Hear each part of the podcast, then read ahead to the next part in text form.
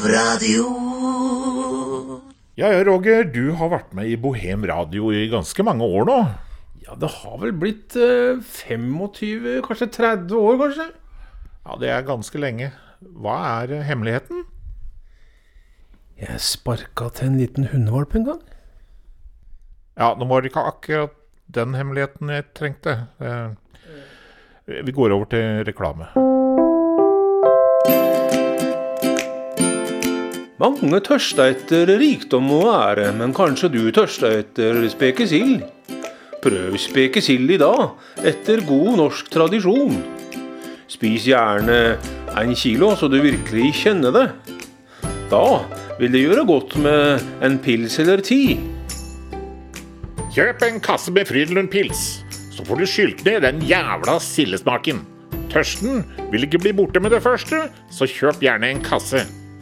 Frydenstund. Den tradisjonelle pilsen mot teite tradisjoner.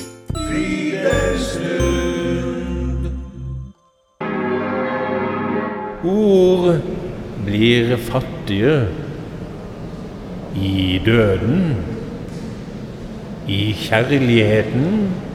Og når du spiller tåa i bordbeinet Ja, nå skal vi altså få sjekka synet ditt, da. Kan du ta oss og lese opp det som står på tredje linje?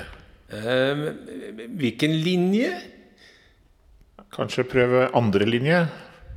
Ja, men eh, jeg ser ingen linje. Prøv øverste linje, da. Jeg ser fortsatt ingen linje. Ok, da fikk vi det bekrefta. Du er blind. Velkommen som dommer i Norges Fotballforbund. Gratulerer. Tusen takk.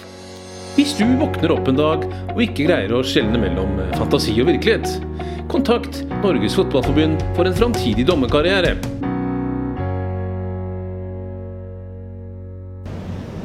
Vi skal i dag innom Bibliotekarenes Landsforbund. Og vi har med oss leder Tore Stille.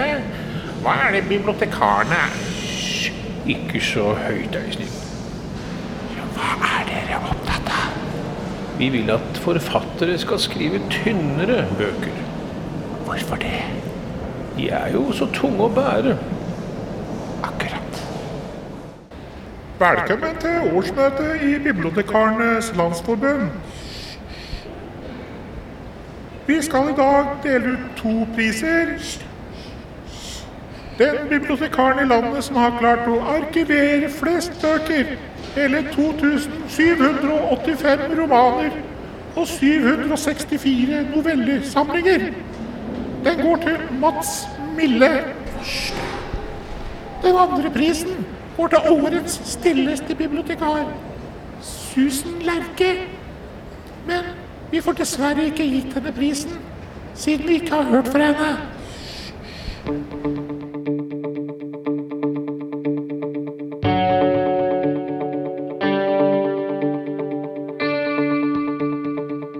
Bohem Radio har registrert en stor diskusjon rundt TV 2 sin bruk av en tidligere dømt raner i sine sjakksendinger. Nå har jo sporten i TV 2 flere ekskriminelle i sin stab.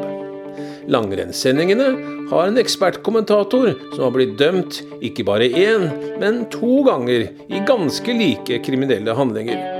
Og han var sågar knyttet til TV 2 før, under og etter både rettssak og soning av straff for kriminell handling nummer to. Nå er det ikke Bohem Radios sak å moralisere. Langt ifra. Vi har så langt i våre sendinger vært renset for moral, ifølge tilbakemeldinger fra opptil flere av våre lyttere.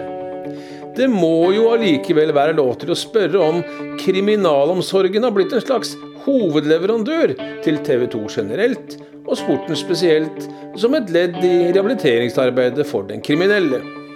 Den eh, viktige veien tilbake til samfunnet. Er det slik å forstå at det å ha vært en såkalt vellykket kriminell gjør veien ekstremt kort til å være med på sendinger som anses som kriminelt dårlige? Det må være lov til å spørre uten å dømmes nord og ned av den grunn. Bohemradio. Pils først.